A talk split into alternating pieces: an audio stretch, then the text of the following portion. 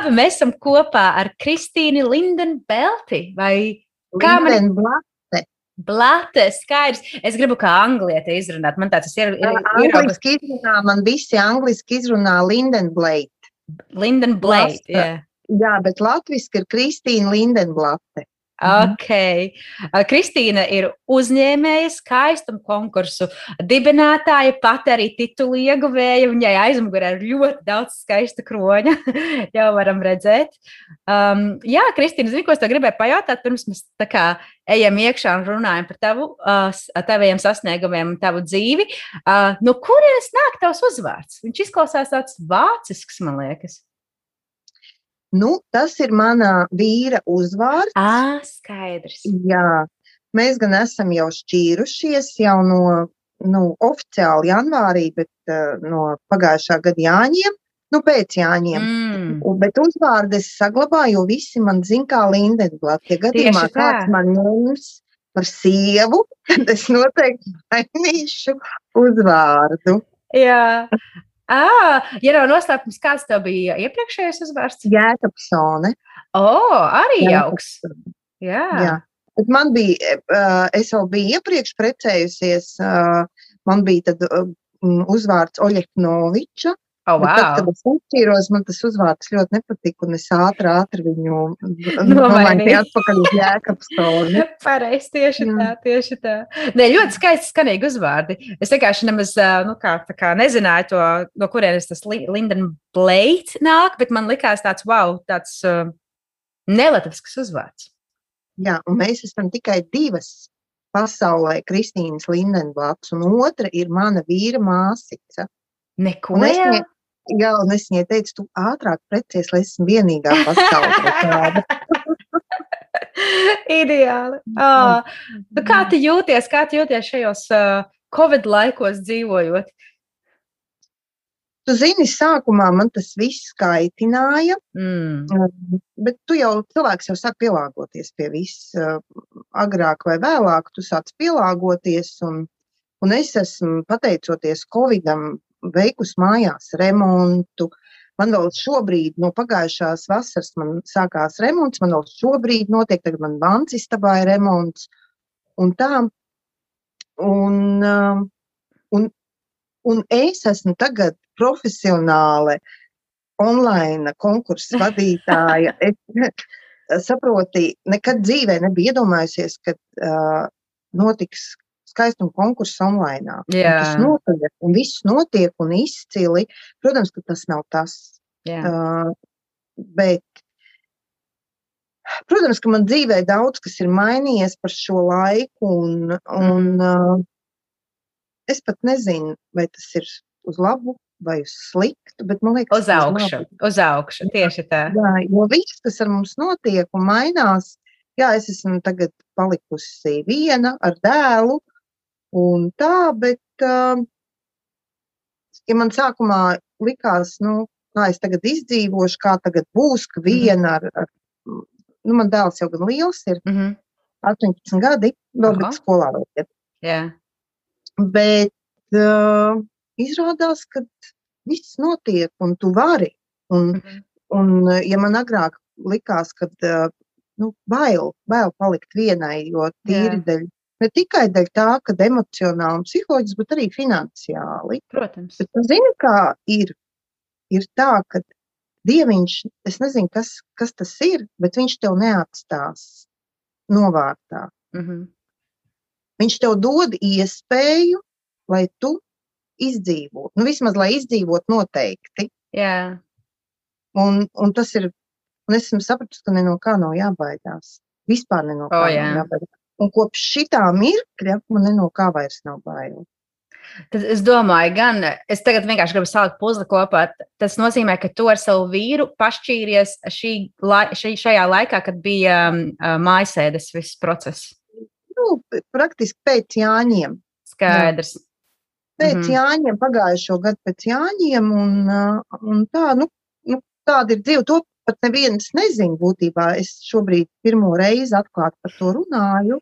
Mm -hmm. Jo neviens, nu, protams, man tuvākie draugi un mammas, uh, bet jā, šodien ir pirmā reize, kad es par to atklāti publiski runāju. Nu. Bet tas ir lieliski, ka tu arī izēji un, un neturi to visu tik ļoti sevi. Un pilnīgi liekas, ka es tevi personīgi nepazīstu, bet es jau jūtu tādu kontaktu. Man liekas, tā, ka var redzēt, ka kā, tu jau esi pāraugusi.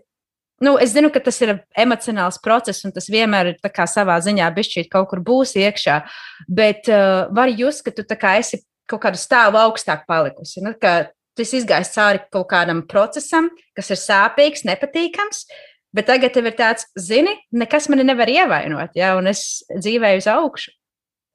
Tu zini, es dzīvē esmu tādai elē gājusi cauri, ka man, man tiešām ir tā jau, kad man nu, vairs liekas, kas, nu, tā nedrīkst teikt, jo vēl viss, kas var būt dzīvē, bet, nu, mm uh, nu, nav jau vairs bail. Ja arī ar mani kaut kas notiek tāds, es ah, jā, ok, nu, ejam tālāk, jo es, es neko nevaru mainīt. Tā situācija ir notikusi ar mani, kāpēc viņa ir notikusi. Es nezinu, bet tā ir noteikti mācība, un to, ka esmu kļuvusi biezādaina, mm -hmm. tas ir viennozīmīgi. Yeah. Man vairs nevar tik viegli ievainot kā agrāk, jo, jo nu, tāda ir tā dzīve. Tā ir. Mm. Man ar tā liekas, ka ar pieredzi un ar lietām, kas mums notiek, tā kā tev pilnīgi tie, nezinu, es, es man patīk tādā vienkāršā valodā teikt, nervi atroferējas. nu, ka tu tā kā, ka, ka tev ir kaut kāda emocija nepārtraukti tavā dzīvē, tev ir tāds, nu, ka tev ir tā kā vienalga paliek. Ja, ka tu liekas, nu, Nezinu, vai tas ir pieņemsim, uh, tas jau būs bijis cits temats, bet es zinu, ka viena laika ar uh, savām tavām draudzenēm mēs runājām par par vīriešu uh, greizsirdības lēkmēm un tādām lietām. Un dažreiz ir tā, ka tā, kad vīrieši to greizsirdību izrāda, vai pat arī sieviete izrāda greizsirdību, no sākuma ir tāds, o, tā kā, nezinu, pārsteigums, varbūt no viena, vienā mirklī tā kā apbrīns, ka tas cilvēks tik ļoti kā ir pārņemts ar tevīm. Bet tad, kad tas ir tik bieži, tev tā kā atrofējas tā sajūta, un tad tā kā paliek viena alga, Un tad varbūt tā mīlestība pat zūd. Nu, tādā ziņā, kad, kad visu laiku kāds cilvēks tev izrāda visu laiku vienu to pašu emociju, tev tās nu, jau par daudz. Vienu redzu, greizsirdība ir nu, dažādi izpaužās. Mm. Vienam tā ir slimība, jo viņš var būt greizsirdīgs arī pret stabu, kas tev blakus stāv. Un otrs ir, uh, otra, otra kategorija ir tad, kad cilvēks nav pārliecināts par sevi. Jā. Viņam liekas, ka uh, Nu, nu, tā ir, diemžēl, un, un tas ir skumji, jo, uh, bet, zini, kā ir, ir jau tā, ka, nu, es vienmēr esmu to teikusi, mēs viens otram nepiederam, ja? Mēs atnākam šajā pasaulē vieni un aizejam. Tas, ka mums ir vīrs, mēs veidojam ģimeni, jā, mēs tā kā, jo cilvēks nevar dzīvot viens, viņam kā gulbi, ja? Viņi pārī dzīvo, tāpat arī cilvēkam ir jādzīvo pārī, jo jo mēs tam esam radīti. Mm -hmm. un, uh, un, protams, ka tad, kad tā otrā pusē, kur tu ļoti mīli, vienmēr ir tā, ka viens mīl vairāk un otrs mīl mazāk. Un tas, kas mīl vairāk, vienmēr cieš vairāk. Jo, jo būtībā viņš ir gatavs sev atdot visu tam otram cilvēkam, bet tas otrs cilvēks ļauj Un, un brīžiem viņš to izmanto un dara pār tam cilvēkam, kas vairāk mīl. Un tāpēc radās visas šīs situācijas. Protams, ideālākais ir tad, ja tu satiec, kad abi vien, vienādi mīl viens otru, bet tas ir praktiski neiespējams. Jā, es pilnībā piekrītu. Mana otrā puse, kurš tu esi? bet, zini, tad arī tad, jā, tad ir jāliek iekšā tā jauna teorija, jo tādā ziņā, vai vispār tāda otra puse eksistē, tu jau esi vesels cilvēks, vai ne? jā, nu, es domāju tādā ziņā, nu, kad nu, ir taču tā mana otrā kaut kāda radnieciskā dvēsele, mm -hmm mēs viens, otru, viens bez otra nevaram kaut kur jau viņi ir, bet kur? Vai viņi ir šī laikā? Uh, tu man liekas, uh, es nezinu, tev ir Netflix? N nē, nav, nav. man. Uh, Tāda jau, es nezinu, vai tā ir jauna parādība Latvijā. Es neizmantoju. Man viņš ir, bet es viņu neizmantoju. Ah, skaidrs, ok. Nē, vienkārši Netflixā šobrīd ir jauns šovs, kas saucas The One. Vienīgais. Pilnīgi, pilnīgi jauns. Un te būs tāda mini pašreklāma, jo arī man bija iespēja tur pafilmēties. Es te vēl ar aktieru meistarību nedaudz nodarbojos Anglijā, un, un tur es arī esmu bijis dažās scēniņās. Nu, nekas milzīgs, bet nu, tur ir bijis.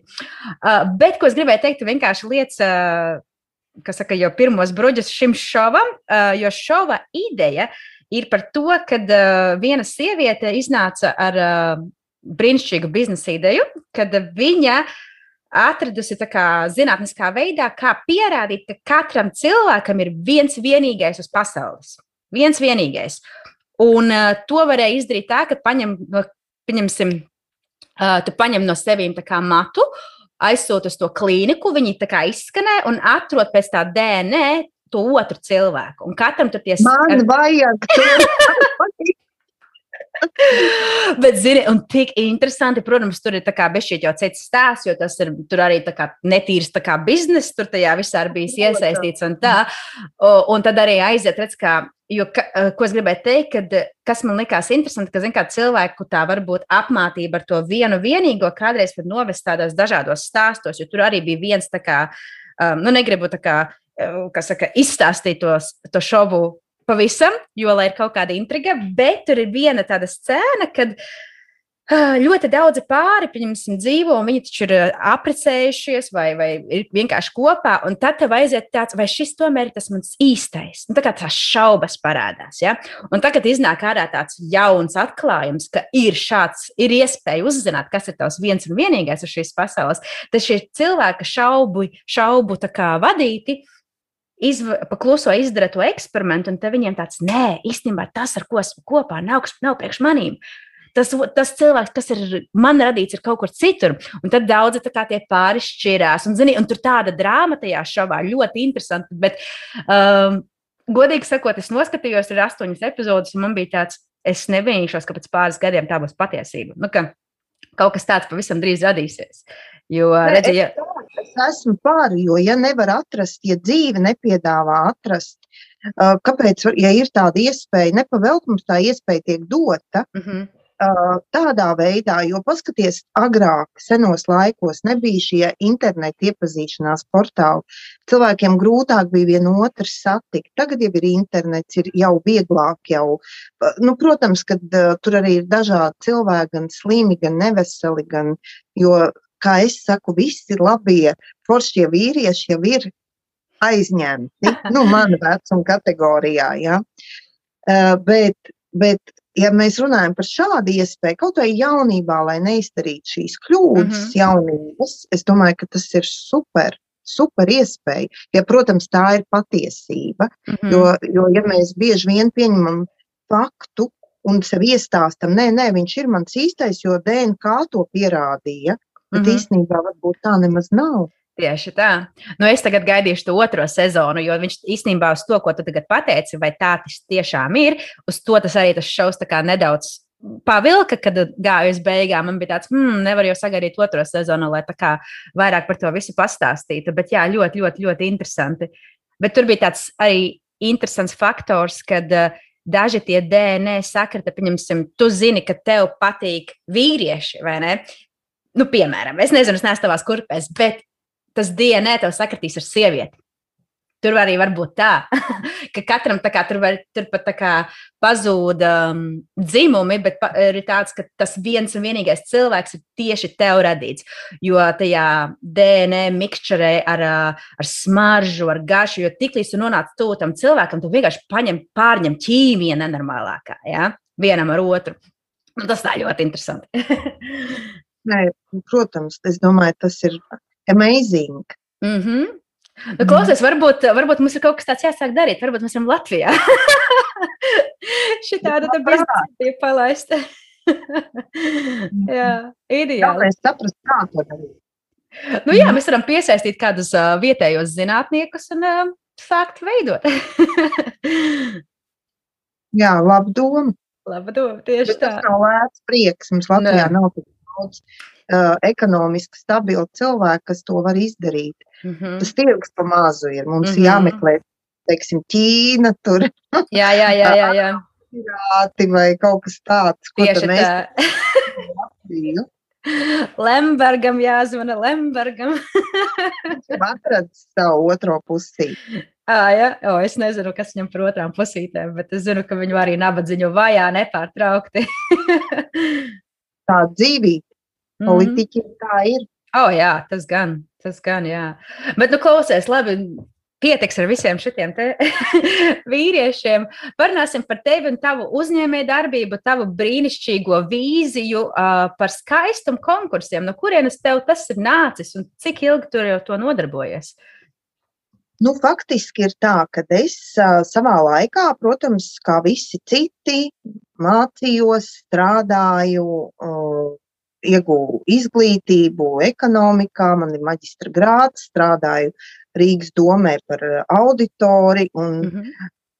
nu, parasts uh, Latvijas iedzīvotājs. Un okay. Tad pēkšņi mans draudzenes sāka braukāt pa skaistumu konkursiem. Nu, es braucu līdzi, tā kā atbalstīt, nu, meitenes. Okay. Un es, uh, esot tajā visā vidē, sapratu, ka man tas nenormāli patīk. Viss tā atmosfēra, tas viss, kā tas notiek. Un tajā laikā, protams, es nezināju, cik tas viss ir sarežģīti un, un, un pie kā man tas novedīs dzīvē. Un es izdomāju, a, kāpēc es to nevaru darīt. Un, protams, kā 2013. gadā notika mans pirmais konkurss Rīgā. Tajā laikā mēs četri bijām kopā, kas uzsāka šo visu. Nu, es, es tā bija mana ideja, viss mans, bet es uzrunāju cilvēkus, kas varētu nākt ar mani kopā, jo es sapratu, ka vienai praktiski neiespējami to paveikt, jo tas ir nenormāls darba apjoms. Protams. Protams, gala rezultātā esmu palikusi viena ar visādiem. Mēs visi praktiski esam izšķīrušies ar, kā lai saka, naidīgi, varētu teikt, Aha. bet ne no manas, bet ne no manas puses. Jo visur vaina ir tā, ka cilvēki viens otram neusticās. Viņiem liekas, ka, ka kāds kaut ko zog vai, vai um, kā lai to pareizi pasakā. Nu, kaut kur apmāna viens otru kaut ko. Zini. Nu, tas ir, tā ir biznesa tāda mm, specifika, kad nepavēlti saka, ja tu gribi veidot kaut ko, dari viens. Nedari mm. to kopā ne ar vienu, jo agri vai vēlu tas viss beigsies letāli un slikti. Un, un, un, diemžēl tā ir pat brāļi, veidojot kopā biznesu, sajiet naidā. Un, un es visiem iesaku no savas pieredzes, nekad nedariet neko kopā. Ja jūs gribat kaut ko darīt, jā, lūdzu, veidojiet uzņēmumu viens, bet uh, ņemat algojat kaut kādu cilvēku, kas jums palīdz, no malas, vai, vai uz procentiem, vai kaut kā, ja sākumā nav tā iespēja to algu maksāt vai kaut ko tādu, bet nē, kopā tas ir praktiski neiespējami, neiespējami. Bet, nu, es esmu šim ceļam izgājusi cauri, gala, rez, gala rezultātā esmu palikusi viena mm -hmm. šajā visā pasākumā. Un, jā, pagaid, kur mēs palikām. Nu, un, uh, un tā, tā mēs to konkursu sākām. Sākotnēji es veidoju viņu Latvijā. Mm -hmm. uh, visi starptautiskie konkursi notika Latvijā. Ceļš nebija viegls, lai dabūtu visus nacionālos direktors valstīs. Un, Tas nav tik vienkārši. Tas, nu, Jā, kā tas notiek? Tu, kā, principā, es nezinu, ja tu vari kaut kādos tādos īsākos soļos, tu nāc ar ideju, labi, tā, piemēram, pagātnē tev bija kaut kāda komanda vēl ar cilvēkiem, kas to bija, kā jūs bijat grupējums.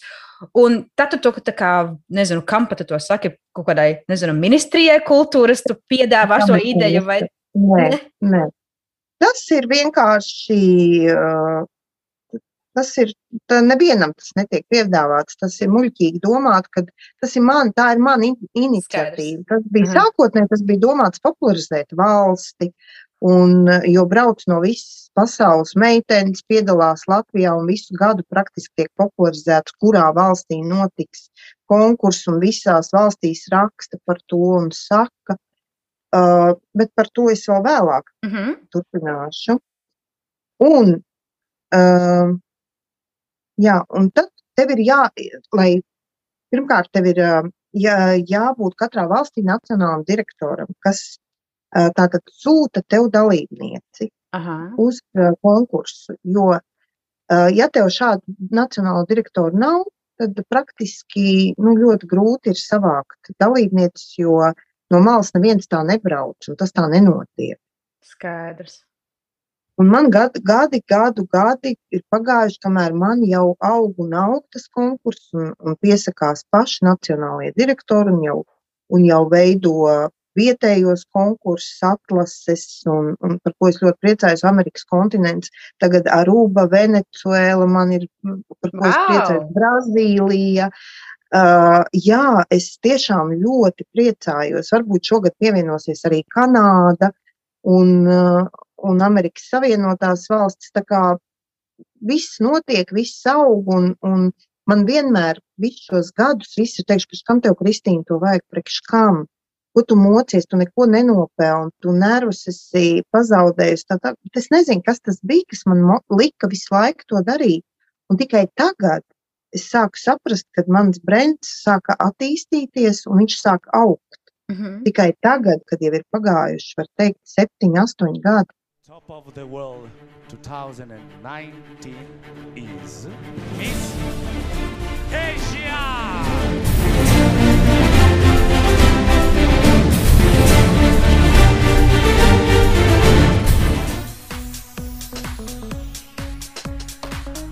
Скажи, пожалуйста, как возникла эта идея конкурса самого Plus Size? Это же впервые он проводится в Латвии. Да, это новый проект. Некоторое время назад я встретила нашу латвийскую известную модель плюс сайз Татьяну Мацкевич. Это была она, которая вдохновила меня создать такой новый проект я просто подумала, почему нельзя сделать конкурс красоты для девушек плюс сайз. Всегда все участницы бывают 36-38 размера. Я подумала, это дискриминация, и надо менять немножко стереотипы. И поэтому вот мы здесь сегодня в красивом отеле Лагуна Хаус, который нас принял, принимает участниц где они живут. И сегодня был прекрасный вечер, профиль интервью, где каждая участница презентовала себя, свою страну. Un, un es varu būt jau lepna, es zinu, ka viņš augs un augs un augs. Wow. Jā, ļoti lepojos. Bet es vairs netaisu konkursu Latvijā, jo es to nevaru pavilkt. Tas neiespējami, jo Latvijā sponsoru nav, jo no tām dalību maksām, ko man maksā um, dalībnieces, es nevaru nosekt visus tos izdevumus. Un pēdējā gadā man pielika punktu tad, kad man bija piešķirts finansējums no Librīga, mm -hmm. un valsts kontrole uh, atcēla šo finansējumu, uh, balstoties uz to, ka es nepakursēju valsti un es neveicinu turismu valstī kas ir pilnīgākais smurks. Man ir jautājums, kas kādā sakarā kaut kāds valsts kontrols ierēdnis, pat neapjēdzot vispār kādu darbu veids un, un cik es ļoti popularizēju valsti, Jā. var pateikt tādus vārdus, tad man ir jautājums, kas tad ir tas, kas pop sportisti popularizē valsts, skaistuma konkursu arī popularizē Jā. valsts, un kā vēl popularizē. Nu, ļoti visu, interesanti. Man atņēma to finansējumu, kā rezultātā es iekritu nenormālos zaudējumos, mm. dēļ kā man bija diezgan uh, nepatīkami konflikti, un tas arī publiski izskanēja visos presēs. Un tā tālāk es gāju Elē cauri, bet tur bija atkal cits gadījums. Tur um, uh, kundze, kura visu šo uzsāka, nesaukšu viņu vārdā, tāpēc, ka es pat negribu. Es domāju, ka mēs visi zinām, ja mēs jau zinām, kas tajā presē rakstīts. jā, negribu runāt, jo tas bija viņas mērķis, laikam, sevi ļoti popularizēt, caur mani. Un, jo mēs varējām visu mierīgi vienoties un noslēgt līgumu un sakārtot visas lietas, izrādās, ka viņai tas vispār nebija vajadzīgs. Mm. Uh, viņa pat nenoslēdz ar mani līgumu, bet uzsāka šo PR kampaņu. Kam viņai tas bija vajadzīgs, es nezinu, vai viņa nu, nemāku pateikt, bet uh, Dievs viņai ir soļs.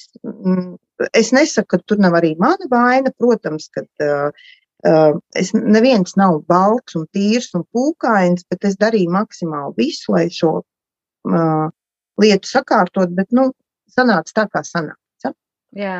Un, protams, pieslēdzās mans vēl bijušais uh, kolēģis, kurš manī vienkārši, tu nevari iedomāties, es biju šokā. Man uh, vēl mans bijušais vīrs teica, man viņam aiziet, nu, neteikšu, ko viņš teica, bet uh, tas ir ārprāts, kā cilvēki izmanto šādas situācijas un apmelo vēl vairāk. Bet sāpīgākais ir tas, kad ir likums valstī, kurš nestrādā. Jo uh, es varu pateikt, es tagad teikšu godīgi, jo mm. tajā brīdī es par to negribēju runāt, bet tagad es gribu pateikt, es gāju uz policiju, jo būtībā presa Rīgas viļņi, kas pieder Ājai Šmidrei, mm -hmm. uh, kur, protams, uh, pavēlot mūsu valstī nekas nenotiek. Lai tu tiktu uz vākiem, lai tu tiktu uh, visu raksti, par visu tiek maksāts. Protams. Un šī kundze protams, apmaksāja savu PR kampaņu. Labi, man nav tam pierādījumu, protams, faktiski, mm -hmm. bet tas ir skaidrs. Um, un tad, kad es um, gāju uz policiju, protams, kad es saprotu, ka mūsu policijā nav uh, izglītoti, uh, atbilstoši izglītībai. Uh, Ierēģi ierēģi, jā, darbinieki. Ierēģi, mhm. darbinieki jā, jo viņi nepārzina likumus, viņi neprot viņus lasīt, kas ir ļoti skumji, jo es aizgāju, man bija visi fakti sagatavoti. Signe, viss man bija, man pat bija no filologa uh, slēdziens, man viss bija, kad es esmu uh, apmelot, jo man presē sauc par krāpnieci, par krāpnieci, kādā sakrā. Ne man ir tiesa bijusi, ne man ir kaut kāds, um, uh, nu, kā viņi sauc, uh, slēdziens. slēdziens. Nē, tiesneši tikai var to man tā nosaukt, bet tā sauc mani prese. Tad, kad es gāju uh, uz policiju, man no policija pateica, ka te nav faktu, un viņa nekādu lietu nevar ierosināt. Tas pats notika ar prokuratūru. Protams, es saprotu, ka izbijusi iekšlietu ministra, viņai ir savi draugi, savi paziņi. Jums jau tā valstiņa maziņa ir. Mm -hmm. Mums jau viss te pa, pa to pīļu dīķi, mēs te visi ņemamies un viens otru pazīstam. Un tā tālāk, un tā tālāk. Un, lai es ietu tālāk uz Eiropas, uh, Eiropas tiesu, man ir vajadzīga milzīga nauda. Jā. Milzīga, milzīga nauda. Uh, nu, man, diemžēl, es neesmu bagātā kundze, mm -hmm. uh, lai es varētu maksāt miljonus uh, Eiropas tiesai. Un, protams, ka tas viss palika tā arī palika, jo arī uh, mēdīju uh, ētikas komisija, kas ir, kurai es rakstīju uh, par to, ka es lūdzu izskatīt šo lietu un atcelt šos rakstus, uh, jo viņi ir uh, uh, ne, pirmkārt, nepatiesa informācija mm -hmm. tur ir, un otrkārt, lai, lai mani tā sauktu, ir jābūt faktiem. Kur man, protams, atbildēja ētikas komisija, ka um, te nav nekādu faktu. Atkal, protams, nu, tas ir murgs kaut kāds. Un, protams, kad Rīgas viļņu īpašniece uh, man pati personīgi pienāca klāt, teica, tu tiešām rakstīju un domāju, ka tu dabūsi kaut kādu pozitīvu atbildi. Halo! Nu, es mhm. saprotu mm -hmm. to visu, kad um, es, un zinu, par ko es esmu priecīga. Mm. Es esmu priecīga, kad ir tāds Andris Kavičs. Ah, jā? ko Tāpēc, viņš, ko viņš? Lai viņš kāds ir, lai viņš kāds ir, bet viņš saka patiesību par visiem. Viņš, viņam nav ko pa lielam zaudēt. Citi iesmēja par viņu, labi, nu, tas alkohols un viss. Tā, tā ir viņa dzīve. Tā ir viņa dzīve, viņa izvēle. Neviens nav tiesīgs par to viņu sodīt, bet par ko es ļoti priecīga esmu, ka viņš nebaidās. Viņš nebaidās teikt taisnību, viņš par visiem, jo viņam, viņam nav ko zaudēt vairs. Jā. Faktiski uh, viņš jau tā ir sliktais tēls, visu priekšā mm -hmm. uztaisīts un tā tālāk ja tu Andri Kivičs man skaties, mēs tam personīgi pazīstam. Mēs um, piedalījāmies ideālās vakariņās savā laikā. Ah, ja? kopā. Uh, jā, tā kā viņš foršs īstenībā čals ir un mm -hmm. dzīve kā ir kā viņš sanāca, tā ir sanācis. Jā. Zini, es eh, pirms tā kā lec tā, tālāk iekšā, ļoti, starp citu, tas viss ir interesanti, un es pat teiktu, daļēji šokējoši, un tajā pašā laikā, es nezinu, varbūt es tā ļoti uz to visu realistiski skatos, man ir tāds, ka tas mani vairs nepārsteidz, liekas tā, ka Latvijā tā diemžēl ir. Ja, un tas ir skumji, vai ne? Kad uh, mēs jau, kā tu saki, tā jau esam mazs pīļu dīķis. Kāpēc cilvēki tik šausmīgi vairo to negatīvo? Un, un tur ir tā lieta, ka mēs viens otru zinām, jebkurā gadījumā. Visi ir divu, vismaz roku attālumā. Ja? Un, un, un, un tādi joki, tas ir, nu, Tas ir prātam neaptverami, bet es pieņemu, ka viss redz, gan jau balstās uz kaut kādiem naudu, savu veidu politiku. Cilvēki vispār grib pierādīt, kurš tad pat kur kuru vai ne. Un tādā ziņā ļoti interesanti, ka tu pieminēji Andriu Kaviču, jo man liekas, ka nu jā, tā, tā noteikti arī ir. Kad, uh, Es arī domāju, ka tev varbūt pat tāda pozīcija ir jāpaņem, ka tad, kad tev ir kāds, nezinu, uh, ar žagaru rīktīgi, tā nezinu, sitis vai ne. Tev ir tāds, ko man zaudēt? Es tad neju ārā un runāju par to visu. Ja, nu, tādā ziņā, ka nav vispār, man liekas, Latvijā cilvēkiem kaut kāda tāda veida kaut ko baidīties teikt. Ja, tur, tur tā nav, nezinu, Holivuda vai ne, tā ir Latvija. Mēs visi viens otru pazīstam. Um, var, var jau to darīt. Un es nebūtu, man, man nebija bail par to runāt. Mm -hmm. Vienkārši situācija tāda, ka tajā laikā tagad mans bērns mācās attālināti. Protams, jā. jā. Es nevaru likt es neesmu viena. Taisnība. Man ir ģimene. Ja, piemēram, kundze nedomā par to, ka citiem cilvēkiem ir ģimene vai, vai piedod, mums katrs otrais uzņēmējs ir kādam parādā, un kaut kas ir nenomaksāts, un tā tālāk, tāpēc, ka šobrīd ir tāda situācija, bet neviens jau neiet un nebļauj presē, bet risina zolīdi tās lietas, kārtojot. Uh -huh. teiksim, jo nu, es varu teikt, godīgi, es Latvijā vispār neko negribu uh, organizēt un, un taisīt, jo šeit ir ļoti grūti. Mm. Ļoti grūti kaut ko darīt, jo mums tie nodokļi un viss, kas mums visur ir jāmaksā, signi, tu nevari iedomāties, tu nevari uztaisīt. Uh, es taisīju Ziemassvētku projektu Mm -hmm. Ziemassvētku projektu Sniegpārsas stāsts kopā ar Gaitu Lazdānu. Mm. Tur piedalījās um, Ieva Sutugova, Normunds Pauniņš un Mārtiņš um, mācītājs no Kuldīgas. Ja? Mm -hmm. wow. um, Un es varu pateikt, godīgi, visi tie izdevumi, kas nepieciešami, nu, sekt par telpām, par par eh, māksliniekiem, viss, viss, viss. Nu, tur ir garš stāsts, plus vēl eh, tev uh, paņem visi tie, mm, ak, Dievs, tūlītās uh, aka, mm -hmm. savu nodokli, yeah. uh, lai par savu nodokli, mīļie cilvēki, es saprotu, ka jūs visi ņemat tos nodokļus, bet tu nevari. Un, un biļetes cena ir tik, cik viņi ir.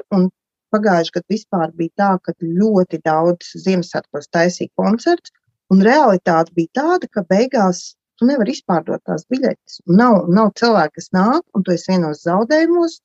Un, protams, ka uh, es varu pateikt godīgi, jā, es esmu palikusi māksliniekiem par pēdējiem trīs koncertiem parādā.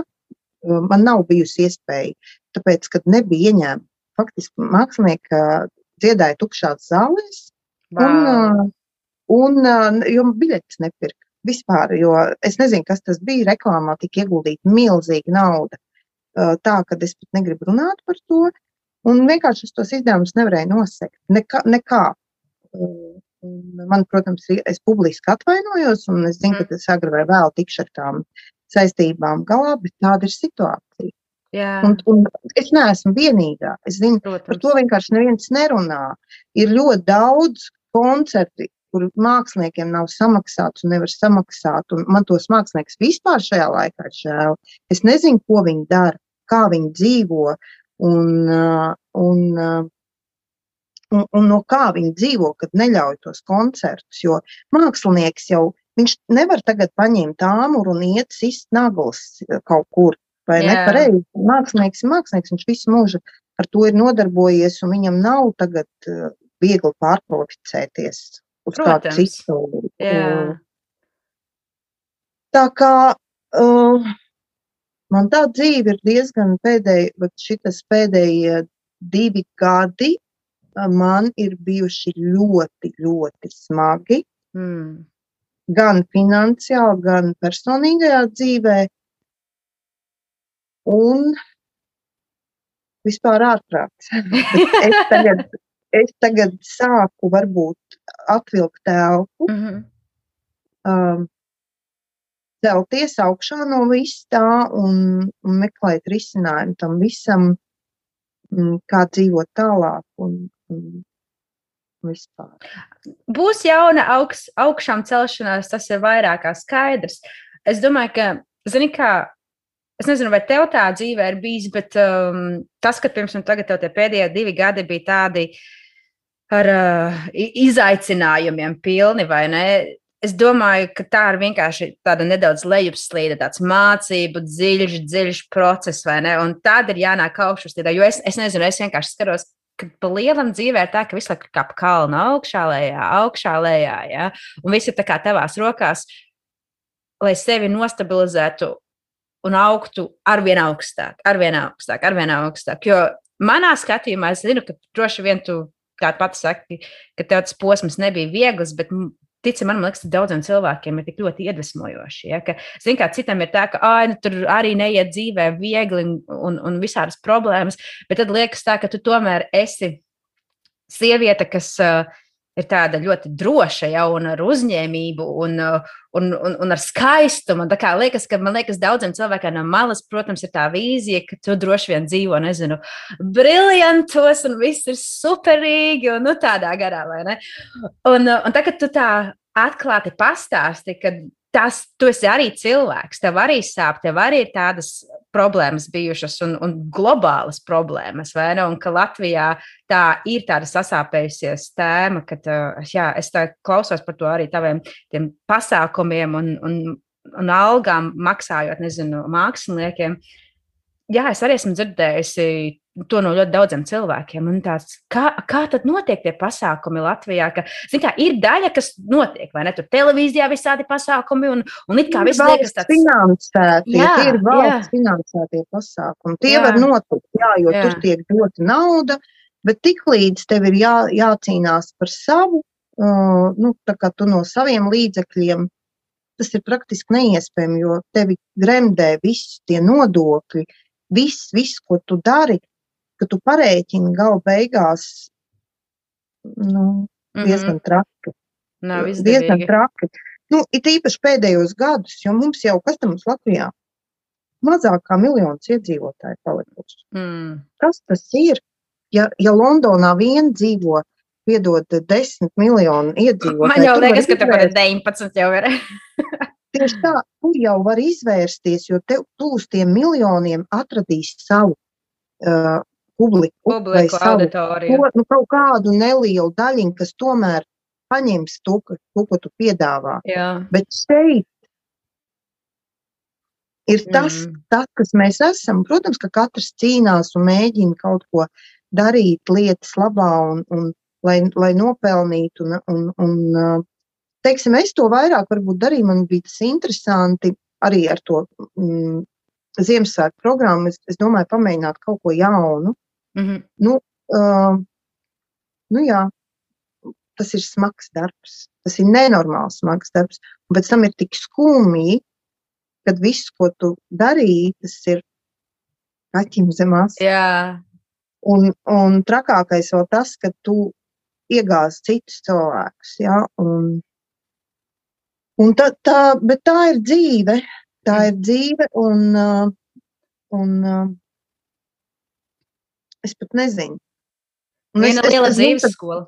Es zinu, ka es neesmu vienīgā tāda, un ir cilvēkam ir vēl lielākas problēmas. Būtībā, saproti, katram savu problēmu, ma, kaut maziņa, viņam liekas viņa lielāka par jebkuru citu problēmu. Mm -hmm. Un tagad vispār cilvēki slimo daudz un mirst. Un, nu, tie ir tādi sīkumi būtībā, ja mēs ņemam, jo galvenais tev ir veselība. Ja tev ir veselība, tad tu vari visu, kājas, rokas tev ir, tu ej, kusties, dari. Tiklīdz tev nav veselība, tu nevienam neesi vajadzīgs, tu neko nevari izdarīt, un, un mm. viss šis tavs sapņu un plāns sagrūst vienā dienā, jo um, es varu pateikt godīgi, ka pateicoties um, mm, visām šīm dzīves skolām, mm -hmm. kurām esmu gājusi cauri, es divus gadus pa naktīm neguļu. Tā ir drausmīga lieta. Um, nevienam ienaidniekam to nenovēlu. Nevienam. Tas ir kaut kāds Bet, stresa rezultātā. Kā? Jā, es domāju, tā ir centrālā nervu sistēma. Un, uh, tas ir prātam neaptveram, negulēt. To zina mana mamma, to zina man tuvākie cilvēki. Bet es biju pie daudziem doktoriem, un beigās es aizbraucu uz Kuldīgu pie tādas doktora Salceviča neirologa. Mm -hmm. Viņa man izrakstīja vienas zāles. Tas bija aiz, aizvakar. Aha. Aiz aizvakar tas bija. Un es okay. sāku dzert aizvakar tās zāles. Es divas naktas jau guļu. Oh! Apsveicu! Oh. Sievietei uh, miegs ir ļoti svarīgs. Protams. Kā tu izskaties, kā tu jūties. Un, jo tā negulēšana, tu esi pusdienu kā augsts, kā mēba. Nu, ja. Un uh, vispār man tāda sajūta, ka es ne, neesmu atnākusi uz interviju, bet pie psihologa tagad stāstu savus problēmas, kādas man dzīvē ir. Jā, bet zini, tas īstenībā ir baigi forši, ka tu to saki, jo es uzskatu, ka nu, man vienkārši tāpēc arī daļēji radās šī ideja par šo podkāstu, jo es gribēju sarunāties ar cilvēkiem tādās dziļās sarunās. Ja, ka te mums nav nekāda timera, mums te nav kaut kādas centās reklāmas.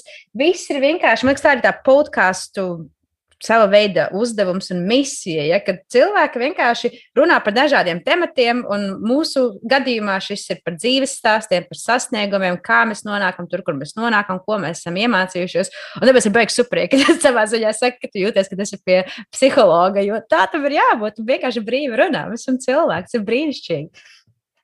Zini, kā es tagad runāju, runāju, nu, teiksim, un zinot mūsu, nu, es nezinu, cik tālu nonāk šī intervija, cik mm -hmm. cilvēki viņu apskatīsies un, un kā tas viss būs. Bet uh, nu, parasti ir tā. Uh,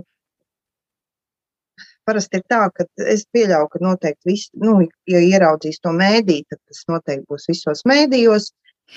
Un, un tad man cilvēki nories, būs daļa, kas man nories. Uh, daļa, kas man varbūt sapratīs un mhm. atbalstīs. Mm -hmm. Un atkal var sākties šis uh, riņķis no jauna, kam es jau gāju vienreiz cauri. Un es tad brīžiem domāju, vai man to vajag. Uh, nu, vai vispār, kam, kam, priekš kam tas ir vajadzīgs? Yeah. No otras puses, es domāju, īstenībā ir tik daudz cilvēku, kas um, kas dzīvo un, uh, un nerunā. Tieši tā. Un, uh, un tikai tāpēc, ka ko padomās citi, uh mhm. -huh. es, es esmu arī sapratusi, laikam, man vairs nav ko zaudēt. Jā. Ko, ko es to varu pazaudēt? Es visu, ko varēju, esmu pazaudējusi. Nu, teiksim, pateicoties um, dažiem cilvēkiem, kas man dzīvē ir uh, Jā, jā es, es dzirdu tevi. Uh, noteikti, jā, tas, tas, tas ir vairāk, man liekas, es zaudējusi, es nezinu, tā kā to ticību, varbūt, un uzticību daudziem cilvēkiem tev apkārt un vispār cilvēcei kā tādai. Bet, nu, kā jau mēs runājam, pirms tam tik daudz, kas tev jau arī ir, vai ne? Tev ir uh, brīnišķīgs dēls un uh, droši vien kāds labs draugs. Un es redzēju tavos Instagram storijos, ka tev ir sunītis vai sunīši. Un ir sunītis. Viņš ir tik jauks. Man balts, dusmīgs sunītis. Bingo, jā. Man vienīgā mīlestība, kas man mīl tāda, kāda es esmu. Cik tā jau vēl ir tas sunītis vai cik viņam ir gadi? Seši gadi. Seši gadi. Ah, okay. Es vispār ņēmu čivavu. Es arī patīk. Es biju domājusi, ka es iešu uz pasākumiem, man uz rociņas būs čivāva, čivāva auga, auga, auga un izauga. pavisam cits sunīts, un no čivāvas nav nevienas smakas. Pagad, tu tā kā tevi apmānīja, varbūt, tā kā likās, jā, ka jā, nopietni. jā, nu es caur es reklāmu pirku. Okay. Un, protams, kad man nevajadzēja ne tur dokumentus, neko, un, un Nu tā, un man jau likās, ka es viņu paņēmu, ah, un es, man kaut kā viens kropis te locās, un uh, es, kad aizgāju pie doktora, pirmo reizi ar viņu tur grāmatiņā ierakstīts Čivauva, Čihuahua. Jā, jā, jā, jā. Kad aizēju pie tā ārsta, un ārsts saka, bet viņš nav Čihuahua. es saku, es nezinu, es viņu pirku kā Čihuahua, un uh, viss papīros ir ierakstīts. Nu jā, un pēc tam, protams, pierādījās, ka tur nav nesmaks no Čihuahua. Ak, šausmas. Nu tā, un e, viņam ir seši gadi. Es viņu nē, viņš nekad nav draudzene nevienu redzējis. Un, okay. un tā, uh, bet es nolēmu laikam viņu šo pavasaru kastrēt. Okay. Es nezinu, vai tas ir pareizais vārds. Tas nu, ir pareizais vārds, jā. Jo tas varbūt ir tāds, nu, rupi, rupi smags. Nē, neuztraucies, nekas te nav rupi. Neatbalsta, bet um, nu, vakar, piemēram, gāju viņu staigāt, un es daudzēju, desmit kilometrus vismaz, un tad rēķini es jau esmu nonākusi atpakaļ līdz gandrīz, ka man tur pagrieziens jāiet, viņš, es nezinu, kas viņam uznāca, viņš izdomāja, ka, ah, tur taču tā draudzene bija. Viņš divus kilometrus aizskrien atpakaļ. Viņam tie divi kilometri nekas nav. Jā. Man jāiet atpakaļ vēl oh, divi kilometri. Un pēc tam vēl divi kilometri ar viņu atpakaļ. Un tā es vakar nogāju, man liekas, kaut kāds 14, 15 km. Es nācu līdz mājām. Paldies un, tavam čuahuavam. jā, un tad, un tad es pieņēmu lēmumu, kad es viņu kastrēšu. Napaciņš. Nu, tādās, nezinu, kā viņi nomierinās. Jā, nu, tas, laikam, ir tāda, tāds process, kas sunīšiem ir jāizdzīvo, jāizdara, bet, nu, mīlīgs jau bez gala. Man ar viņu mm -hmm. ļoti patīk. Man ar savu laiku bija uh, toiterjers. Uh, Zini, kas tas ir? Tā kā čivālvas tikai, tikai tie melnie maziņi, jo tāda mīlestība man pret viņu bija arī. Uh, viņš jau ir viņa pasaulē, jo savu dzīvību viņš ir nodzīvojis, bet uh, es, es nezinu, man liekas, arī tik daudziem cilvēkiem ir tie, ah, tie mazie suņi, kas tas, tas, tas taču nav suns. Suns paliek suns, un viņi ir tik forši, un man liekas, ka tu dzīvo dzīvoklī vai kaut kādā mazākā Māju vietā tas vispār ir ideālais dzīvnieks, bet pa lielam es arī gribu, nezinu, savā mājā milzīgu māju ar kaut kādiem sešiem tādiem, jo viņi vienkārši rada prieku. Es nezinu, es uz viņiem skatos un priecājos. Viņi vienkārši vairo tādu drausmīgāko baudu. Jā, man ļoti patīk. Nu, tad, kad tev tiek sagrausts apavs, nu, tas vēl ir, kas, es nezinu, kāda, kāda laimiņa vairo, bet viss labi. Protams, ka viss jā, jāslēpj, ir man viss apaus stāv uz paaugstinājumiem un, un viss tā, lai viss jā, vai tev vajag visu apsmērēt ar sinepēm kaut kādām nabadziņam. Nu, tie ir tādi, zini, katram uh, savs grāvītis, jo manējam bija tā, ka viņš šausmīgi skaļrēja. Ša, nu, tā, ka pat par mazākajām lietām, un es jau pie tā biju pieradis, bet man bija grūtības, tā, kad es nezinu, ar citiem cilvēkiem dzīvoju kopā, vai ar partneri, vai pat, ar, nu, vai pat vecākiem, ja tur visu laiku bija tam mazākais kaut kāds krakšķīts kaut kur, un viņš tikai wow, wow, wow, wow, visiem tāds apstādini savu tēdiju. Man tāds, es nevaru neko izdarīt. nu jā. Jā, viņi tādi visi ir pišķīt maziņi un jukuši, bet mīlīgi. Nu jā, uh, droši mēs lienam dziļāk iekšā tavā dzīvē. Um, gribēju tev pateikt, Jā, es, es vienkārši zinu, kā pa lielam, jo tu tā kā, nezinu, tu tā kā dalījies jā, ar tām savām varbūt sāpīgajām pieredzēm. Uh, bet es gribēju zināt, to, vai tevī tā uzņēmība un uzņēmēja darbība ir bijusi vienmēr iekšā. Un, um, un man, es nezinu, vai šis būs pareizais jautājums tev, bet es tev tā kā varbūt mēģināšu. Uh, vai tev ir bijis kaut kādas tādas, kā sakam, saskarsmes pieredzes, tā, tā, kad tu gāji varbūt ar to savu konkursu, piedāvāji citiem kaut kāds kā sava veida seksisms pret, no vīriešu puses. Vai tas ir kaut ko tādu pieredzējis, vai Varbūt ar tieši otrādi, ka tieši sievietēm varbūt bija tāds, ko tu tur dari un tā un šitā. Nē, man nav. Nē. Okay. Es tagad sāku domāt, nē, man nav, nav tāds. Um, Tādas sāpīgas pieredzes bijušas. Nē, à, nu, man ir bijis, protams, uh, bija paredzēts konkurss, uh, gribēju kā, piedāvāt, lai es uh, organizēju Baku. Jā, nu tad bija tā, ka. Uh, Kur ir Baku? Azerbaidžānā. Okay. Tad bija tā, protams, ka es braucu turieni divas reizes, tikšanos, tā kā līgumu parakstīt un visu, un tad es sapratu, ka tur ir pilnīgi cita interese. Un uh, nevis parakstīt līgumu, bet nu, vienkārši uh, izmantot mani kā, kā sievieti. Uh, Nu, jā, tas nav patīkami. Tas nav patīkami, mm -hmm. teikšu godīgi, jo tu brauc, tērē savu laiku, tu uh, nu, plāno visu, jo tas ir ilgs process, lai to visu darītu. Un beigās tu saproti, ka nu, tas viss būs šis. Jā. Jā. Protams, ka nav viegli. Um, uh, citreiz ir, ir jāizvērtē, kur, kur ir. Bet nu, tas nav tik vienkārši izdarāms, jo it kā tas viss notika caur pazīstamiem cilvēkiem, mm. labi pazīstamiem cilvēkiem, kas man ieteica. Un, un es jau tāpat nebraucu pie cilvēka, kurus nu, vienkārši pati no gaisa caur internetu kaut kur atradu vai kā. Nē, nē. Bet nu, tā dzīvē notiek, diemžēl. Nu, jā. Bet pamatā nē, protams, ka man ir bijuši visādi pēc konkursiem, ir, ir, uh, ir smagi, kad jebkura meitene grib uzvarēt. Nu, jā. Un tad ir tā, ka sauc mani citi par asisti, ir saukuši. Citi saka, ka konkursi pēdējais sūta. Un, un, un tādā garā, un, nu, protams, es to visu dzirdu un saņemu šausmīgi to negatīvo informāciju un antireklāmu. Nu, paiet kaut kādas nedēļas, meitenes nomierinās, un tad saka, paldies, sūta ziedus. Bet viņas jau nu, nesaprot, kā mēs, esi, kā mēs emocionāli izējām cauri, kad Jā. viņas man norēja. Uh, un pēc tam viņas man saka, paldies, un grib ar mani sadarboties un tālāk strādāt.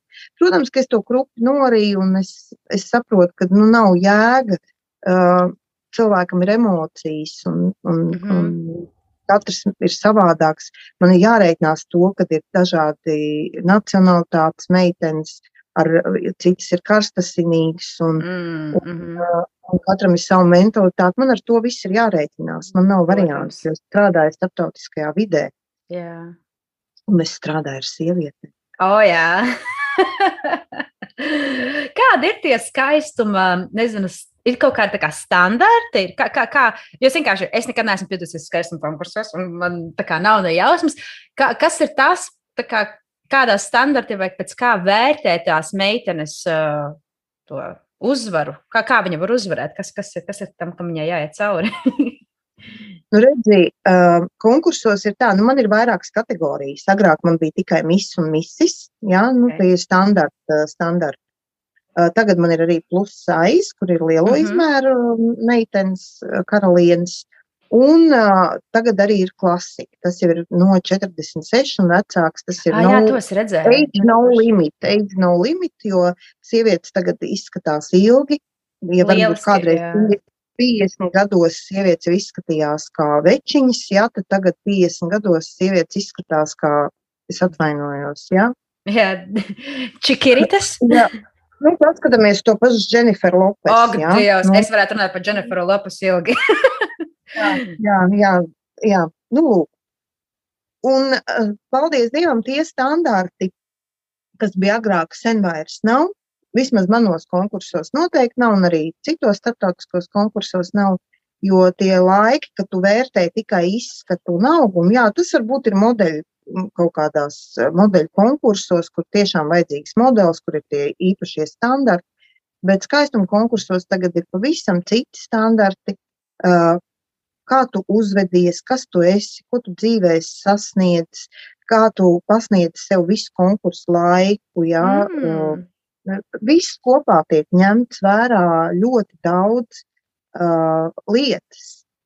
Um, kā tu esi gatavojies, vai tev ir talants vai nav, vai, vai teiksim, uh, uh, nu, attieksmi pret kaut kādām situācijām, jo, jo nu, konkursos arī notiek dažādas situācijas, kas mm. varbūt uh, nav paredzētas no organizatora puses arī, un, un tu, tu redzi, kā reaģē meitenes vai kaut kas, viss tas kopā tiek vērtēts, jo, jo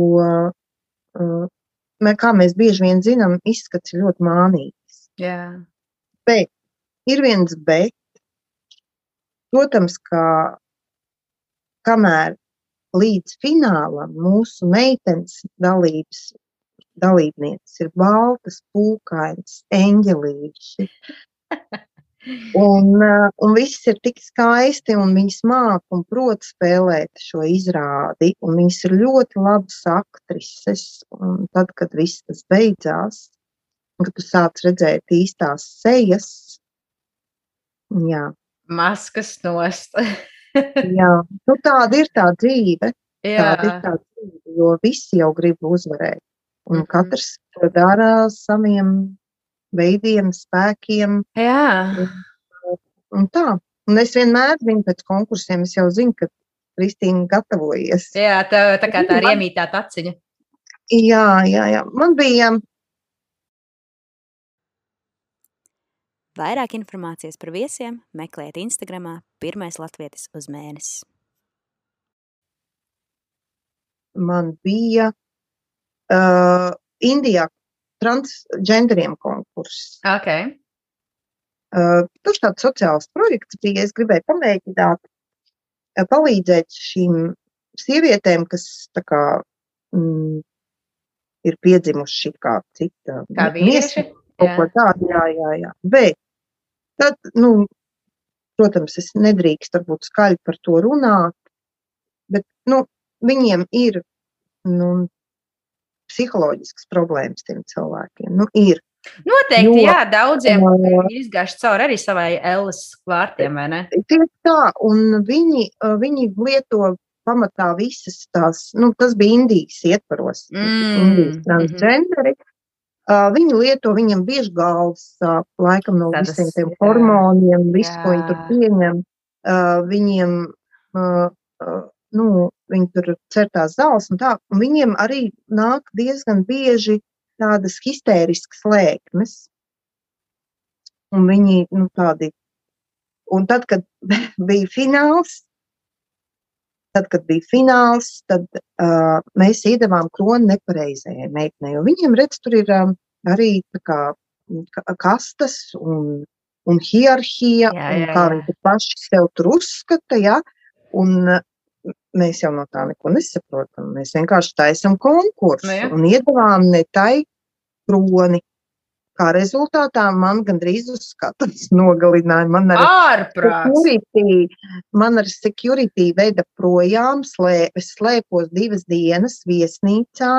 Uh, mans draugs Miks, uh, mēs kopā ar viņu, viņš tajā laikā dzīvoja Indijā, uh, viņš man visu to, nu, praktiski mēs kopā visu to darījām. Viņš man uh, kā siena stāvēja priekšā, viss uh, uguns gāja uz viņu. Un tad es tikai zvanu no citu numuriņu, es varu nākt, es varu nākt. Nē, tu vēl nevar nākt. Viņi taču izdemolēja visu to viesnīcu, un, un es zinu, ka Mikam beidzās sadarbība ar to viesnīcu, jā. Ārprāts. Pagad, pagad, tu pasaki, tā kā, nezinu, bišķit vairāk, tas sanāk, tu skatuves, jūs uzdo, iedodat kroni ķipa ne tam, kam vajadzēja, bet tajā pašā laikā tā ir jūsu izvēle. Tas ir konkurss. Tātad jūs izvēlaties, tad tas cilvēks ir pelnījis to kroni. Jā, viņiem tas neinteresē. Ak, tad sākās tāds skaists skatus, bļaustīšanās, kaušanās. Ārprāt! Jā, jā, jā. Drāma. Un, un viena no galvenajām iniciatoriem tam visam bija ļoti slavena radio DJ uh, vadītāja. Jā. Wow. Es tagad jau tos vārdus neatceros. Nav tik, man tas nav tik vienkārši. Man uh, miks, uh, miks tur viss, viss Zin, tās pilsētas zina, un viņš tur dzīvoja piecas gadus. Protams. Man tas viss bija jauns un neaptverams, un, un tā. Un tad tu tā kā Bet. diezgan veiksmīgi izbrauci no valsts ārā. To nebija tā, ka, nezinu, tev viņi turpat sekojas kaut kādām lidostām. nē, nē, nē, nē, nē. Pēc tam bija tā, ka, uh, redzi, tā, tā, meit, tā meitenei, kam mēs iedevām to galveno kronu, tā problēma bija tā, ka viņai nebija nogriezts krāniņš. Uh, mm. Es runāju latviešu. Ideāli, forši. Mums tāda valoda patīk. Jā, un, uh, jo pārējām visām viņas bija bez krāniņiem. Ah, okay. un, un tad viņa nāca, Mikam rādīja, ka viņai nav krāniņu. Kā var vinēt eh, meiteni, kurai ir vēl tas krāniņš? Okay. Un tad Miks dabūja skatīties uz to visu. Un un, um, jā, un tad, un tad uh, pagāja tās cik dienas. Protams, ka viņām tās emocijas nokrita. Mm -hmm. Jo tas viss bija emociju ietvaros, tā, tā ārdīšanās un viss. Jo es saku, nu, tur, tur arī, es domāju, daudz ko tie hormoni dara un viss, kas viņi, kam viņi iet cauri. Jo pa lielam tie cilvēki, viņi jau, viņas jau visus izdzer no mājas ārā, kad vecāku uzzina. Pamatā viņi visi no ielas ir savāki tie cilvēki. Un, ah, un zin, kā viņi naudu prasa? Uh, viņi staigā pa ielu un plaukšķina. Tā okay. viņa nav. Neko, jā. Jā, jā, jā. Un, uh, un, un tad, kad viņiem tas viss norimās, tad man viņas nāca viss un atvainojās. Un viņas man sauc par mamiju. Mamija, tā kā, nu, es, tā kā, nu, uh, viņa tā kā organizatori. Māma, nu, jā, jā, jā. Storija, māmija, storija un zviediņas man nes izdemolējuši visas iesnīgas mamijas šausmas. Nu, tā, tā tas notiek. Un, un tāds, nu, Bet tā ir, ka tā, tu kontaktē, ne, nevis kontaktējies, bet tā, ka tu sadarbojies ar divām.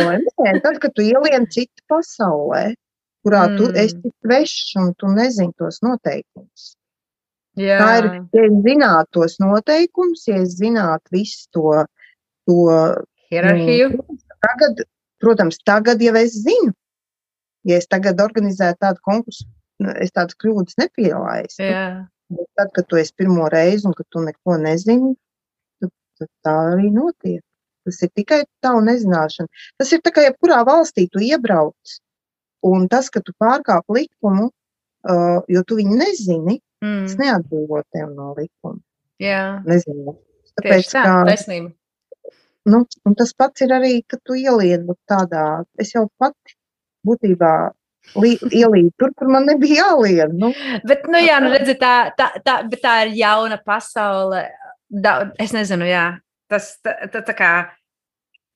To īsti, nu, tur tā kā pa vidam, man liekas, ir daļēji jā, tava vaina, ka varbūt tu to visu putru nezināji, bet tajā pašā laikā, kā tu varēji arī zināt. Ja, nu, man liekas, kurš cilvēks, es nezinu, jā, tas tāds daudz man jautājums zīmes šobrīd ir pa vidu. Kāda tev ir nākotnes plāna, klausies?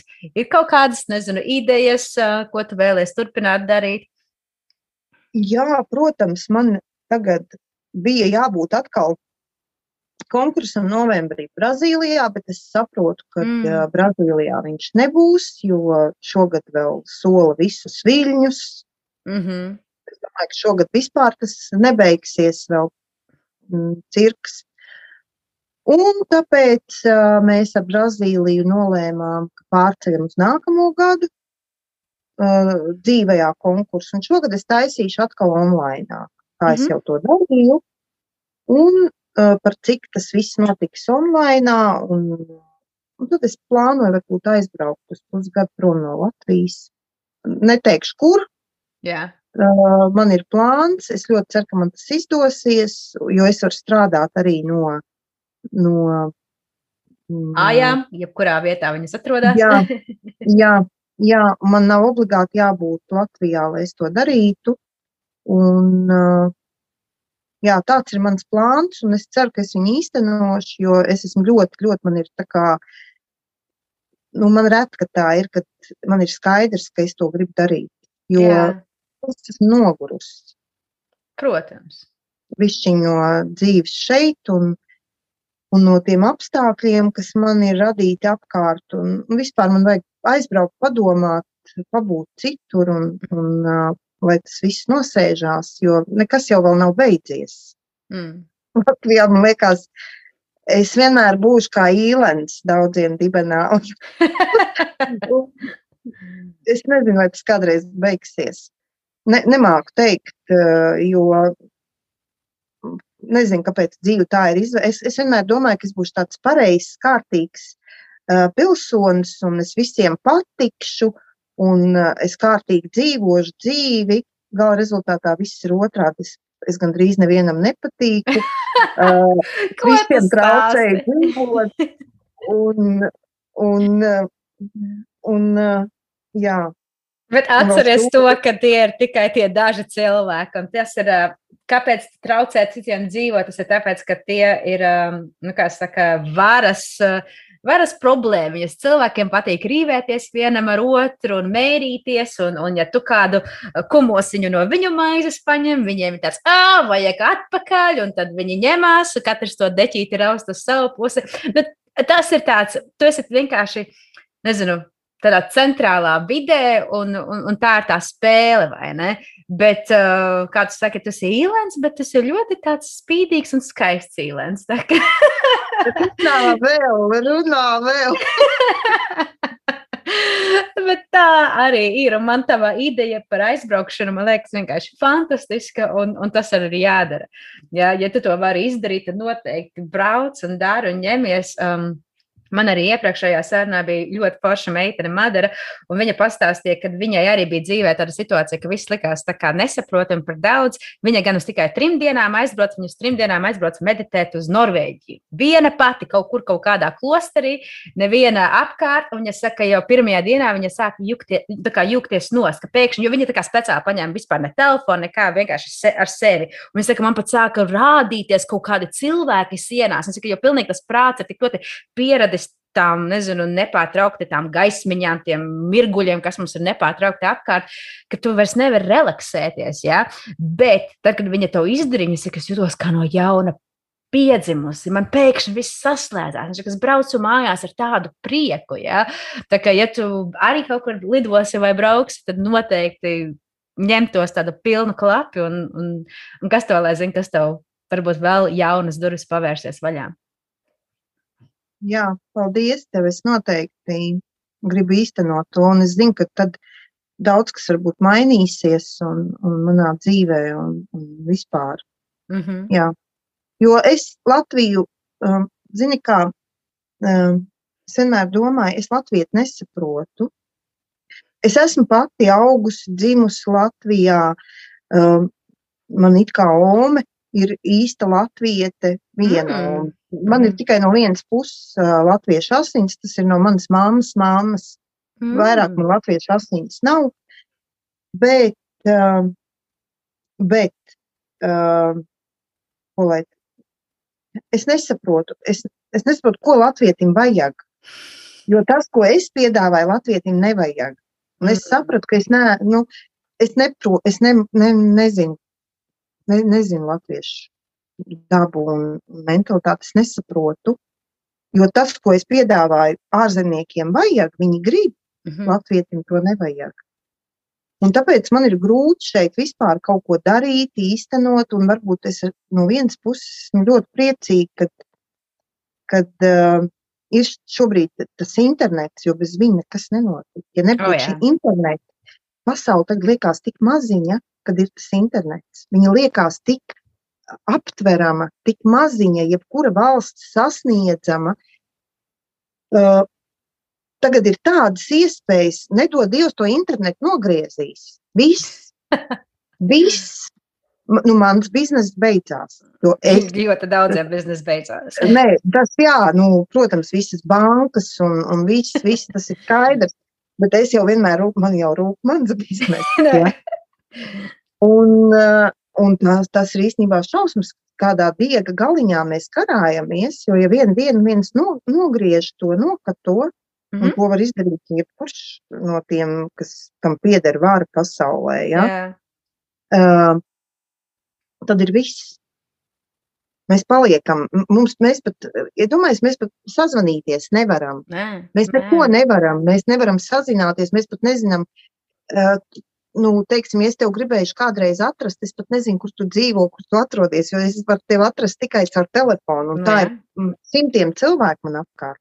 Jā. Es zinu viņus tikai caur telefonu, bet, ja man kādreiz dzīvē viņus vajadzētu atrast, man nav ne adreses, nekā man nav. Mm -hmm. nu, izņemot e-mail adreses, jā. Bet es domāju, varbūt jāsāk tomēr pierakstīt, kur tu dzīvo.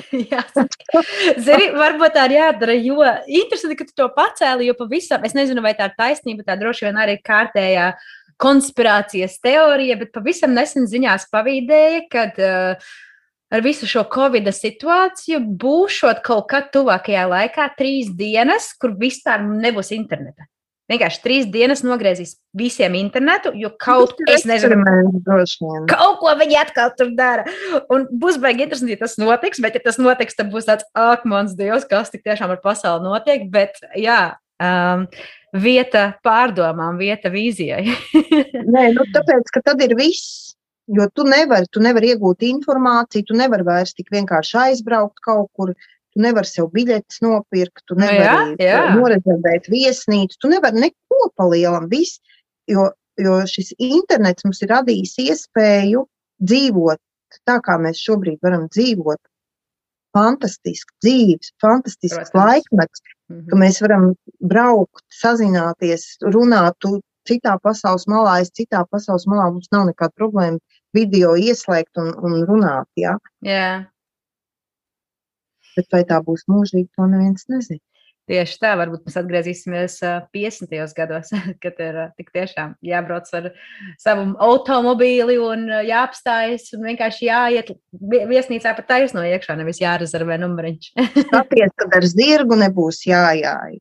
Benzīns nepiegādās jāsi ar zirgu. Oh, tas būtu forši. Es, man patīk zirgi. jā. jā, jā. Tā man liekas, ka man te drīz būs jālaiž, tev jau ir jā, padomā šādi tādi plāni. Jā. Jā. Uh, pēdējais jautājums tev, uh, ko es uzdodu visiem saviem viesiem. Um, ko tev konkrēti tev nozīmē sasniegumi? Es par to domāju.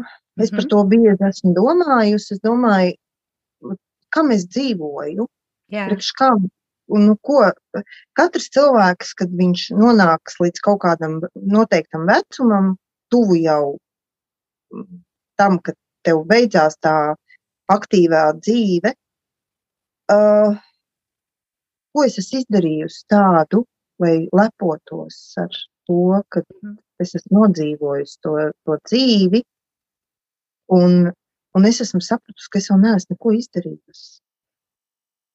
Ne, man ir tik daudz vēl plāni, man ir tik daudz mērķi, jo man viss, viss tā mana dzīve ir pagājusi kaut kā. Mm, es varu pateikt, godīgi, līdz 40 gadiem man viņa pagāja ļoti nepareizi, ne, neliederīgi. Es neko nedarīju lietas labā, lai. Es, ne, es nezinu, pagāja šausmīgi, briesmīgi. Man tā liekas. Tagad, Protams, ka tagad, ja es sāktu dzīvi no jauna, es daudz ko mainītu. Es daudz ko mainītu savā dzīvē, jo es esmu pazaudējusi šos gadus.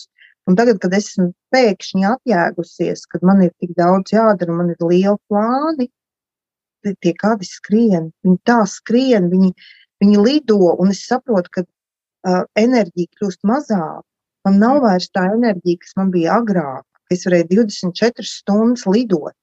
Tā nav vairs es, es mēģinu lidot, un tad ir tā pļurkšas puķītēm, tu apsēdies, un tie spārniņi noguruši, un tu nevari palidot. Jā. Un, nu, es nezinu, es domāju, ka es varēšu, man, man sasniegums ir tad, kad, uh, tad, kad es, uh, man teiks, uh, man, mans dēls vai mani draugi, teiks, mēs lepojamies ar tevi. Oh. Tu esi malacis. Tu, tu, tu izdarīji to. Tu -hmm. sasniedz to, ko tu gribēji. Uh, tad, tad es uzskatu, ka ir, ir vērts. Tu esi sasniedzis to, uz ko tu gāji visu dzīvi. Bet var gadīties, ka tu arī nesasniedz, jo ir cilvēki, kas iet visu mūžu, un viņi tā arī netiek līdz tam līdz yeah. tam galam, ko viņi ir. Tas ir viss, kā man dzīve lems, kā man būs dots. Ja man būs dots, es sasniegšu. Ja man nebūs dots, tad es palikšu tur, kur es esmu. Jo nu, tālāk jau nav kur. Nu, es jau, es jau, nē, nu ir jau, protams, ka nekad jau visam ir bezgalība. Mm -hmm. Visam ir bezgalība, arī šausmām, ellē ir bezgalība, un priekiem un laimē ir bezgalība. Es, es jau gribētu vairāk to prieku un laimi. Mm -hmm. Es mhm. negribu tādu šausmas savā dzīvē vairs. Jā. Bet es vispār ceru, ka man no šī gada, uh, ka man sāksies tikai skaista un forša dzīve ka man, ka man viss ies tikai uz augšu, un es būšu laimīga, un, un es citiem došu laimi un prieku. Un tā, tā, tā es gribētu, lai tā ir, bet vai tā būs, nezinu. To jau neviens nezina, bet es domāju, ka nu, jā, viss ir tik daudz, kas arī mūsu pašu rokās. Um, Mini tāds jautājums, tu kā saki, ja, ka tie, tas, tās iepriekšējās pieredzes, kā tu, saki, nejūt, tu nejūti, ka tu nodzīvoji līdz 40 gadiem to, to vislielāko produktivitāti, ko tu varbūt būtu iecerējusi. Tas ir saistīts gan ar karjeru, gan ar uh, personīgām attiecībām. Uh, kas, ar visu. Ar visu. Ar visu. Man liekas, ka es nedzīvoju savu dzīvi. Mm. Es dzīvoju, nu, kā jābūt. Kā jābūt. Uh, tev ir jābūt izglītībai, tev ir jāstrādā, tas mm. tev ir jāpelnā, tev ir jābūt tam, tam. Bet es jau pat vainīgi, man jau neviens ar varu to nespēja. Tas ir mans vājais raksturs, kad es pakļāvos tam tiem standartiem, kā tam ir jābūt. Jā. Un, tā ir tikai mana vaina. Neviens jau pie tā nav vainīgs. Mm -hmm. Es biju pati vāja, jo es uh, nu, dzīvoju pēc standartiem, nevis tā, kā es gribēju. Jā. Un, protams, ka tad, kad pienāca kaut kādi 40 gadi, tu tev prāts ieslēdzās, tu kļūsti gudrāks, dzīves gudrāks, tev varbūt mazāk bail ir. Mm -hmm. Un tad, tad bija tad, kad es pilnībā mainīju visu savu dzīvi. Un, un, protams, ka cilvēki, ne, nu, cilvēki man tu, tuvākie cilvēki negribēja to pieņemt, jo viņi nesaprot, kā es tā varu rīkoties. Tāpēc, ka viņi bija pieraduši pie vecās kristīnas, bet tagad ir Jā. jauns čapters. Nu tā, bet, uh, bet uh, Bet šodien esmu laimīga, jo es daru to, kas man patīk. Varbūt man nav viegli, man nav viegli. Es teikšu, godīgi, man ir ļoti grūti. Man ir ļoti smagi jāstrādā, man ir, es esmu veselību sabojājusi, nervus, visu, bet es daru to, kas man patīk. Nu tā, Jā. tā, ja man tagad būtu pateikt, ka man ir jāiet strādāt no 8 līdz 5 kaut kur, nu, kā es to darīju agrāk, es nezinu, nu, protams, ja vajadzētu to darīt. Ja vajadzētu iet un grīdas mazgāt. Ja? Bet um, neviens darbs nav peļams. Bet kamēr, kamēr es varu darīt to, ko, to, ko man, tas, kas man patīk, es līdz pēdējiem elpas vilcienam mēģināšu to darīt, jo tā brīvība jau ir tas, tas, tas kas dod tev to, to foršo sajūtu, tā brīvība. Jo es atceros, ka es kādreiz strādāju pakļautībā ministrijās vai kur, un ka tev tie cilvēki ar savām, nezinu, ko viņi bērnībā, vai viņi sisti, vai kas ar viņiem ir darīt, ka viņi uz tevīm izgāž to savu mm, apvainojumu, kas viņam mhm. nodarīts, vai, vai, vai kaut kā tā. Un, un, un, un īstenībā es domāju, šī vecumā es pasūtīju dirst no nu to priekšnieci, bet tai vecumā es, viņa, es baidījos kaut ko pateikt. Šobrīd, ja, ja būtu pret mani tāda attieksme, kā bija tajā laikā, es pateiktu, paklausies, ko tu atļaujies, kas tu vispār esi. Mm -hmm. Bet tajā laikā es nevarēju to pateikt. Man bija bail. Un, un es domāju, ka ļoti daudz cilvēku, kaut gan jaunieši, man liekas, tagad ir ļoti brīvi. Ir brīvāka un atvērtāka, bet tik un tā ir tas jaunības spiediens, ka tie, kas ir nedaudz vai, vai augstāks, augstāk stāvošāki, vai nu profesijas ziņā, vai, vai vecumā, tev ir tā tāda bijība iekšā. Tu īsti neuzdrošinies no, vai nepateikt pretī. Bijība, zini, no kā? No tā, ka tu pazaudēsi darbu, tu paliksi bez ienākumiem. Mm -hmm. Un tas ir tas, kas rada šo bijību. Yeah. Un tas ir drausmīgi īstenībā, ka cilvēki ar to manipulē. Tie, kas tur sēž oh, tie, priekš, tie priekšnieciņi. Un, un pasties, kas tagad notiek ar to pašu Covid, mēdī, nu, mēdījiem maksā, dod milzīgas naudas valsts, lai uh, viņi rakstītu to, ko vajag rakstīt. Ja? Tas visiem ir zināms fakts, un uh, nu, vismaz man viņš ir zināms. Un, uh, un ko viņi dara? Viņi biedē cilvēkus. Viņi iebiedē. Oh, jā. Oh, jā. Katru dienu sakot cilvēkiem, cik mirst, cik, uh, cik ir saslimuši tā tālāk. Ja mums katru dienu stāstītu cik ir saslimuši ar vēzi, ar gripu, ar uh, spicu, ja bija tāda slimība vai kas tur vēl.